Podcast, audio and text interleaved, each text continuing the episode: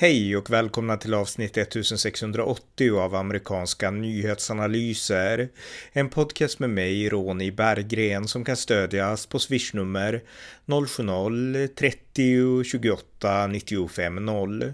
Här följer en uppdatering om det senaste i USA tillsammans med min svensk-amerikanske kollega Björn Nordström från Arizona. Varmt välkomna! Björn Nordström, välkommen! Tack så mycket! Vi ska uppdatera lite om det senaste USA, så ja, du kan börja. Ja, vi kan ju nämna att eh, ja, bensinpriserna har gått upp återigen här i USA nu, så de ligger på de högsta nivåerna någonsin. Och Biden har nu lovat att släppa, jag tror att 10 miljoner oljefat från olje, oljereserven här i USA. Och jag tror inte han begriper hur det här fungerar. Varför han släppte ju några miljoner oljefat för bara ett par, tre månader sedan om du minns. Det påverkade ju ingenting priserna gick ner för, för ungefär en månad sedan så droppade, gick priserna ner ganska kraftigt faktiskt med typ 20-25 procent. Men det berodde på att efterfrågan, då var sommaren slut och då efterfrågan då när sommaren är över och folk slutar åka på bilsemester över sommaren, då går ju efterfrågan alltid ner. Men nu har efterfrågan gått upp igen. Så att hans 10 miljoner eh, oljefat nu som ska släppas kommer inte att påverka någonting. Om det påverkar så påverkar det några öre ungefär eller på en eller två dagar, det är ungefär allt. Mm. Så att hans, hans strategi är helt den är helt meningslös egentligen. Han har ingen strategi annat än att släppa, några, släppa, några, släppa lite oljereserver som inte påverkar någonting. Nej, och vi kan säga att det här beror på att eh, USA har försökt förhandla med OPEC, alltså de här oljeproducerande länderna, och få dem att öka produktionen. Och de har inte gjort det och USA har blivit besvikna på det. Men jag förmodar att det här är någon slags liksom plåster på såren ungefär. Ja, tvärtom. OPEC ska ju nu minska produktionen så priserna räknas här i USA att de ska gå upp ytterligare nu under mm. hösten. Mm. Och blir de överlägset högsta någonsin. Sen är det ju också andra saker. Kalifornien då har ju, jag tror de har fem stora oljeraffinaderier i Kalifornien och alla de fem, eller i alla fall tre eller fyra av dem, håller på att underhållas just nu. Antingen planerade underhåll eller så var det någonting som gick fel så de var tvungna att stänga ner. Så att oljeraffinaderierna i Kalifornien då, som påverkar väldigt mycket, eh, är, inte fungerande. Va? Och det har väl kanske att göra med dels är det väl dålig planering och sen vet man ju inte hur vänsterliberala politiken där liksom ställer till. Det är samma som i Sverige ungefär. Va? Men att politiska beslut som tas och andra saker och ting, liksom, det håller på den här den perfekta stormen nu. Så mm. att priserna kommer att gå upp för olja nu. Så att det, det, det, politiskt sett så kommer det gynna naturligtvis Republikanerna. Och det, det är väl ungefär det enda, det enda positiva som kommer ut av det här i, i höstens val. Mm. Och på tal om den perfekta stormen, det är ju en orkan då, Ian, eller eftermälet av Ian, i alla fall i Florida primärt. Och vi pratade om det i förra podden. Och eh, nu har jag läst en intressant artikel i Washington Examiner som handlar om att media försökte redan innan orkanen drog in yeah. att eh, skapa narrativ om att Ron DeSantis, Floridas republikanske guvernör, skulle hantera stormen dåligt och att det här är republikanerna, de bryr sig inte ungefär.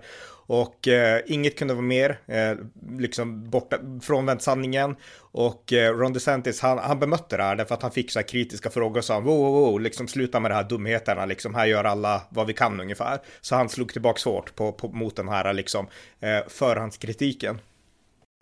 Ja, absolut. Jag såg också nu i media att, att eh, Ron DeSantis är upp för, för guvernörsvalet nu i höst i, i november och hans ledning har, har, gått, har ökat mot hans ledning mot den demokratiska motståndaren nu har ökat med flera procentenheter under de senaste veckan sedan, sedan orkanen, just för att han har hanterat orkanen bra. Så att media säger en sak och gjorde en sak innan, men verkligheten och och, eh, och eh, DeSantis popularitet i Florida har ökat, har ökat nu på grund av att han anses göra ett väldigt bra jobb. De kallar honom för, de kallar honom för Hurricane DeSantis därför att uh, han helt enkelt gör det han ska och, och till och med bättre. Va? Så motståndaren har ingenting, motståndaren får ingen uh, mediebevakning eller någonting nu, utan allt handlar om DeSantis. Så att uh, DeSantis kommer att gå mot seger naturligtvis i hösten och, um, och media naturligtvis i vanlig ordning kommer ju att få fel. För jag menar, det spelar egentligen ingen om de här stora orkanerna. Jag har, jag har själv varit med om ett par sådana här rejäla orkaner. en gång när jag var på semester i Florida, Hurricane Andrew, det var evakuerades från Miami. Mm och en annan i Louisiana, uh, minns inte vad den hette nu, men uh, i alla fall. Uh, och det finns, jag menar, man kan bara preparera så mycket. Du kan liksom inte förebygga all, all förstörelse som kommer att ske, men DeSantis verkar ha ordning och reda. Det som är värt att nämna här också, och det är någonting som vänsterliberal media inte tar upp, att tydligen så är det tre av fyra, det är massa looting som sker, eller massa människor som försöker göra looting, med andra ord, de liksom ger, försöker stjäla saker överallt tre av fyra, 75 procent enligt eh, uh, guvernör DeSantis uh, uppgifter är illegala invandrare som står för stora majoriteten, 75 procent av looting i, del, i delstaten just nu. Som andra ord, inte nog med att orkanen drog in och skapade en massa förödelse. Illegala invandringen nu i, i aftermath av det hela skapar också problem nu därför att de, de, de är överrepresenterade, kraftigt överrepresenterade i brotten nu och försöker dra nytta av det. Ja, eh, lärdom för Sverige här då, det är att illegal invandring, jag menar, det här är människor som kommer hit som inte har någon koppling till våra länder, inte till USA i ert fall och inte till Sverige i vårat fall. Och eh, det är därför de gör som de gör. De känner ingen ansvarskänsla, de känner ingen gemenskap med de som bor där och eh, det leder till laglöshet. De har inget att förlora. Nej. De har inget att förlora. Nej. Och jag menar, om de blir arresterade för stöld, men vad spelar det för roll? Inget kommer ju hända. Jag menar, Florida så kommer de förmodligen bli åtalade va? och hamna i fängelse, men sen är det ju upp till federala myndigheterna att utvisa dem. Delstaten Florida, Ron DeSantis, kan ju inte utvisa illegala invandrare.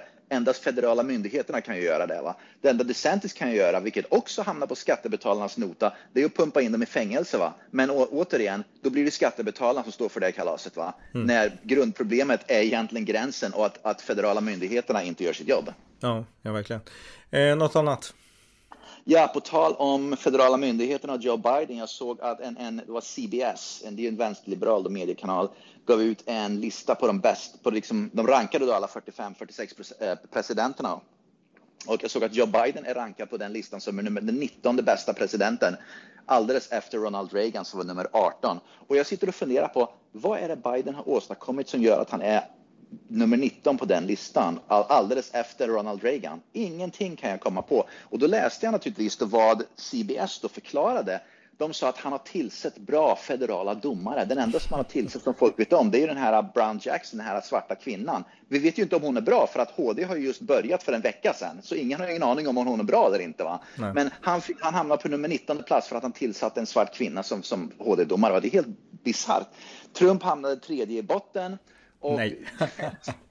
och, och, och, ingen tänker då på att okej, okay, det stod ingenting på den där förklaringen då att, att det var en superekonomi under Trump. Det var i, inga krig i världen i princip. Nordkorea hade liksom, hölls under schack. Um, och arbetslösheten i USA var jättelåg och, och inflationen var låg och så vidare och så vidare. Bensinpriserna var låga. Men anledningen till att Trump hamnade i botten var för att han eh, han förstörde eh, presidentskapet. Med andra ord, han, han, han drog, vad ska man säga, han drog eh, negativa vibbar över presidentskapet. Det var liksom, han gjorde presidentskapet, han försämrade presidentskapet som institution. Okay, ja. Jag det var allt, men de tittade, inte, de tittade inte på vad någon av dem hade gjort för något konkret. Nej. Det var bara känslor. Jag, jag gillar amerikansk historia, så jag tycker om att läsa sådana listor och läsa motiveringar och så. Ja. Så min fråga är, jag vet inte om du, om du har den framför dig, men vem var etta? Och får jag gissa då, var det Lincoln eller Washington? Det var Del, uh, uh, uh, Roosevelt. Ja, var det Roosevelt? Okej. Okay. okay. Roosevelt var etta. Lincoln tror jag var tvåa, Washington var trea om jag minns rätt. Men mm. det, var, det var ungefär, men Roosevelt var etta.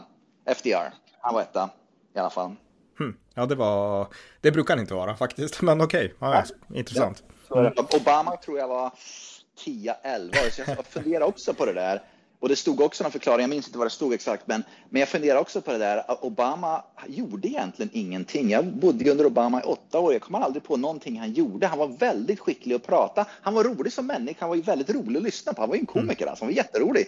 Och jag verkligen gillar Obama som person, men han åstadkom ingenting. Det han gjorde eller försökte göra, det var ju Obamacare. Det var ju att, att det här healthcare i USA ganska på, på vissa sätt så är det väldigt det är skitbra om man har en försäkring och så vidare. Och allt så där. Då får man bästa eh, sjukvården i världen, bättre än Sverige, överlägset alltså.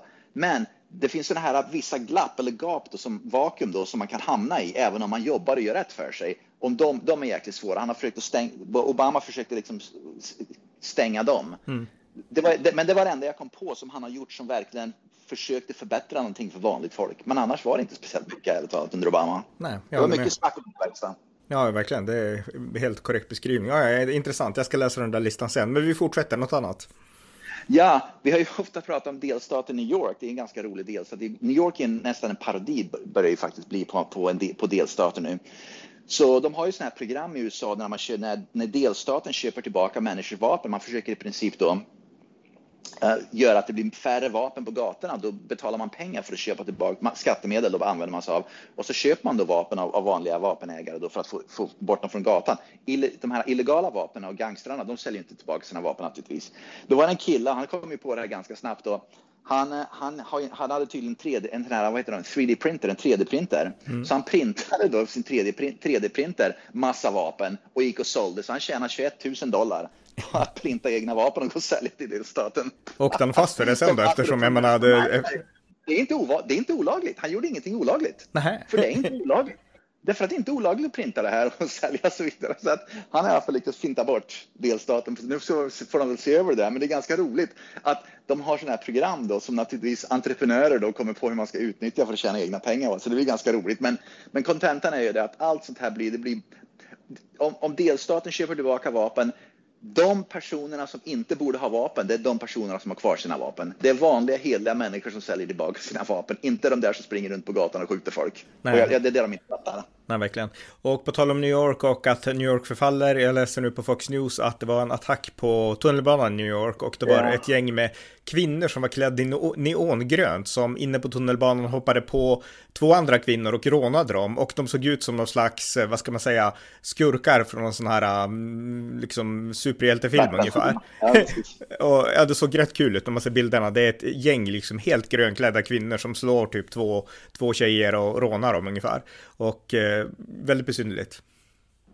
Ja, men vi, vi har ju nämnt det förut. New York har ju fullständigt spårat ur alltså med det här. Det var ju han Bill de Blasio som drog igång alltihopa och jag tror Eric Adams har väl inte fått ordning på det heller utan det, det, det, det, går fort att spåra ur, men det tar jäkligt lång tid att rätta till och det är det som vi ser i Sverige med. Det är ganska fort att spåra ur för Sverige men det kommer att ta generationer innan det börjar ordna upp sig igen. Det går liksom inte, en SD moderat regering, KD kan inte fixa det här på, en, på liksom fyra år. Och det är samma i New York. Det, är liksom, det, det, det förfallet är för långt och det tar evigheter att rensa upp. Och såvida det inte kommer någon som Rudy Giuliani till exempel, någon ny som helt enkelt bokstavligen tar och städar upp skiten igen. Mm. Eh, på tal om, vi var inne på Högsta domstolen tidigare och de har nu börjat sin höstsession nu ja. i måndag som du sa. Och eh, vänstern är jättearga för nu kommer det att avhandlas olika saker som har att göra med, eh, ja, dels har att göra med liksom raskvotering och olika ämnen och man är nu rädd att den här högsta domstolen ska gå till höger, ungefär som man gjorde i abortfrågan. Och vänstern beskriver domstolen som eh, alltså republikanernas förlängda arm och det är alla möjliga liksom, det är allt möjligt gnäll nu på högsta domstolen. Och eh, jag läste en intressant artikel på Real Politics, en person, Betsy McCuffney, som, som förklarar att vänstern förr i världen, då var ju högsta domstolen verkligen aktivistiskt under Earl Warrens tid som högsta domare. Eh, därför att då, ja, då stoppade man bön i skolorna och man gjorde massa saker som var helt emot, med betoning på emot, den amerikanska folkviljan. Och eh, då hade vänstern inte emot alls, att man körde över folket. Eh, men nu, när man, om man nu tror att domstolen gör det, nu är man emot det för att man är, man är emot i sakfrågorna. Men högsta domstolen är inte grundad för att anpassa sig efter, ja, efter tidsandan, utan de ska liksom applicera konstitutionen. Och det är precis samma som vi ser i Sverige nu med vänstern, att om vänstern vinner ett val, då är demokratin och valet gick alldeles utmärkt till och demokratin fungerar. Om högern vinner ett val, då är demokratin hotad och då är liksom allting, eh, håller på, då demokratin håller på att falla samman och så vidare. Det är precis samma här. Och det är det att grundproblemet är inte högsta domstolen, grundproblemet är att vänstern inte accepterar demokratins utfall. Så enkelt är det ju. Va? Och det är mm. det som är det stora hotet. Och på tal om högsta domstolen, eh, jag såg nu att HD, de är ju väldigt, värnar ju väldigt mycket om då, eh, konstitutionen, tack och lov. Um, konservativa HD-domarna värnar betydligt mer om konstitutionen än, än, liberala domare helt enkelt, därför att de är mer liksom, grundade i det i alla fall. Jag såg att i delstaten Massachusetts så hade det stiftats en lag som gick emot Second Amendment, med andra ord en, en en, en lag som inskränkte vapenlagen i Massachusetts och alldeles igår, eller var i morse, jag läste den i morse, om det går eller morse, i morse tror jag det var faktiskt, som högsta domstolen helt enkelt kastade ut den lagen och sa att den här är inte, lagen som stiftades i Massachusetts är inte laglig att stifta utan um, de skickade tillbaks då ärendet till en lägre domstol och sa att nu får ni se över det här och, och, och liksom fixa det här därför att den lagen som, som inskränkte second amendment i Massachusetts, den lagen duger inte helt enkelt. Den får inte komma igenom. Mm. Så att man ser verkligen att omedelbart gör HD skillnad när det gäller att skydda konstitutionella rättigheter även i Massachusetts. Mm, verkligen. Ja, något annat? Uh, Ja, jag går bara igenom listan här. Ja, just det. Det här handlar om, det här var i Kanada, men det, det, det, det illustrerar en ganska rolig grej, men det handlar i Kanada i alla fall. Uh, och man kan, de, de, som lyssnar kan googla upp det här. Om de googlar på Mr Hanna, H-A-N-N-A-H, Canada Transgender. det var tydligen en kille i, i våras som i Kanada var uppenbarligen, eh, han var tydligen emot. Jag, jag läste bara lite grann om det här, men man kan granska med det här mer. Han var i alla fall emot en man som var emot och liksom inte stödde det här woke och allt det där och transgender och allt sånt där. Men en skola, han är lärare på en slöjdlärare på en skola, så han, han helt enkelt insåg att okay, man kan inte vara emot sånt här, det får man inte vara. Så han gjorde om sig själv nu. Så man kan googla upp det där, bilderna är helt fantastiska. Han gjorde om sig själv, så han är en transgender nu. Jag vet inte om han är det på riktigt eller om han bara leker det. Men han gjorde sig om sig till en transgender i alla fall. Och han har satt på sig lösbröst som är typ så här eh, 50 centimeter utåt med jättestora bröstvårtor som han är slöjdlärare med. Så han kan inte nå, de är så stora så han kan inte göra någonting i slöjdsalen längre. Men, men skolan har gått ut officiellt och sagt att de stödjer honom som transgender nu. Och när man tittar på bilder, man håller på att svimma alltså. Det är otroligt. Och jag tror att han håller på att driva med hela systemet. Det verkar som det, för han var helt emot det i våras. Så jag tror att han sa, okej, okay, man får inte vara emot det. Nu, nu tänker jag bara driva, ta systemet till, liksom, till bristningsgränsen helt enkelt. Va? Gå in och googla på det. Hanna, H, efternamn, Mr Hanna, Transgender Canada, så får man se de mest roliga, fantastiska bilderna på en slöjdlärare som håller på och, och liksom, väl, liksom vräka omkull hela här transgender-galenskaperna som pågår. Helt otroligt. Okej. Okay. Ja, ja det, jag får googla efteråt. Ja. Eh, något annat? Ja, uh, du vet att uh, Arizona och Texas, Florida, har skickat upp massa illegala immigranter då till New York. Och det är inte många de har skickat upp med tanke på att det kommer hundratusentals över gränsen varje månad i princip nästan. Uh, då har de skickat upp kanske några hundra, några tusen upp till New York. Och det tog bara några busslaster, men i alla fall um, guvernören uh, Kathy Hochul, Hochul, Hochul, jag vet inte hur de uttalar namnet i alla fall. Hon har i alla fall sagt att uh, New York är nu under en, en, en, en migrant crisis, en migrantkris och de behöver federal hjälp för att, för att få ordning på det där. Så när det kommer in hundratusentals till Texas, då är det inga problem tydligen. När det kommer in några hundra till New York, då är det en kris som, som federala myndigheterna måste hjälpa till med i New York. Helt otroligt alltså. Att de brydde sig inte ett skvatt om vad som hände i Texas, Arizona och Florida. Det bara, men när det kommer några hundra i en buss, ett par busslaster, då är det kris i New York ungefär. Ja, ja hyckleriet är enormt, verkligen. Ja. Ja, fortsätt om du har något mer. Ja, det är en intressant, uh, intressant HD-fall nu som de ska ta upp.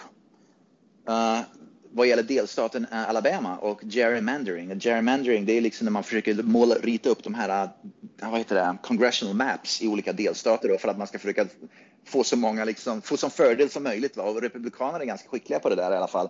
Det som är himla intressant i alla fall att Alabama hade då målat upp några, ritat upp några nya då, distriktskartor och det här är väldigt intressant hur Demokraterna ser på det. För man gör det av politiska skäl. Men Demokraterna, och det, Alabama då är en republikansk delstat och de hade ju då naturligtvis ritat upp nya uh, district maps då för att gynna Republikanerna. Va? Mm. Men tydligen så, Demokraterna per vad ska man säga, automatik omedelbart sa att ni har det svart, de svarta kommer att missgynnas. Med andra ord, kontentan av det hela är att, att, att Demokraterna enbart såg på hudfärgen, att vi måste liksom anpassa hudfärgen. Det är för många svarta där och för många vita där. Vi måste liksom blanda blandar människoraserna ungefär. Det, att, äh, vad ska man säga, de enbart fokuserar sig på hudfärgerna. Att det hud, de, de, kan inte tänka sig att svarta kan ju faktiskt rösta på Republikanerna och vita kan ju rösta på Demokraterna. Utan vi måste se till att, att det blir en fördelning av hudfärgerna på de här kartorna. Mm. Och det är ganska intressant därför att de pratar ju om att, liksom att det, det, är, det är liksom grunden, liksom, vad ska man säga, eh, kärnan av rasismen att man ska titta på hudfärgen. Och det är precis det Demokraterna gör. De börjar räkna hur många människor av olika hudfärger som fanns i varje då, distrikt. Då. Ja, för, att citera ju Biden, vad var det han sa till den här, äh, den här rapartisten, svarta rapartisten, The God eller vad han hette, att if you vote, ja, Repub if you vote Republican as a black you ain't a real black eller någonting. Jajamän. Ja. ja. Man ja. kan inte vara en, svart om man röstar republikanskt. Nej, nej, men Demokraterna cementerar ras vid politik. Det, det, det är vansinnigt verkligen. verkligen. Uh, ja. ja, något mer? Ja, vi pratade ju förra podden om att Kamala Harris hade uttalat sig om att um, att eh, man i Florida, så, hon vill ju då ge hjälp till baserad hudfärgshjälp. Med andra ord, ju mörkare hudfärg du har, desto mer hjälp skulle du få från federala myndigheterna i alla fall. Hon fick en fråga nu om en reporter på en presskonferens för ett par dagar sedan, men hon vägrade svara på den frågan. Det var en sån här follow-up question som hon vägrade svara på. Så det verkar som att hon hade kanske tänkt om, eller hon vågade inte prata om det längre helt enkelt. Va? Det var väl kanske pinsamt. Men återigen, det visar sig att hon öppnar truten och kastar ut någonting som är helt vansinnigt och sen så vågar hon inte stå för det eller vågar svara på frågor om det ett par dagar senare. Va? En sån politiker man naturligtvis inte ha. Därför att hon, hon det liksom, man vänder kappan efter vinden. Mm.